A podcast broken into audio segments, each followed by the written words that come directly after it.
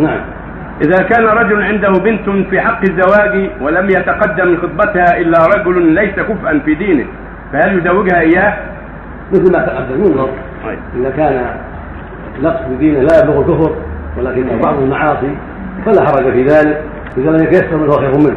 أما إذا تيسر منه خير منه فالخير هو الذي يقدم. لكن إذا تعطلت الأمور ولم يتيسر لها الكفر في الدين وإنما تيسر لها إنسان فيه بعض المعاصي وليس بكافر فلا بأس. وفق الله الجميع. ورزقنا واياكم العلم النافع والعمل الصالح. وأصلح أحوالنا جميعا وهدى المسلمين جميعا وأصلح شبابهم وفتياتهم. ومن على جميع بالاستقامه إنه جواد كريم صلى الله وسلم على محمد وعلى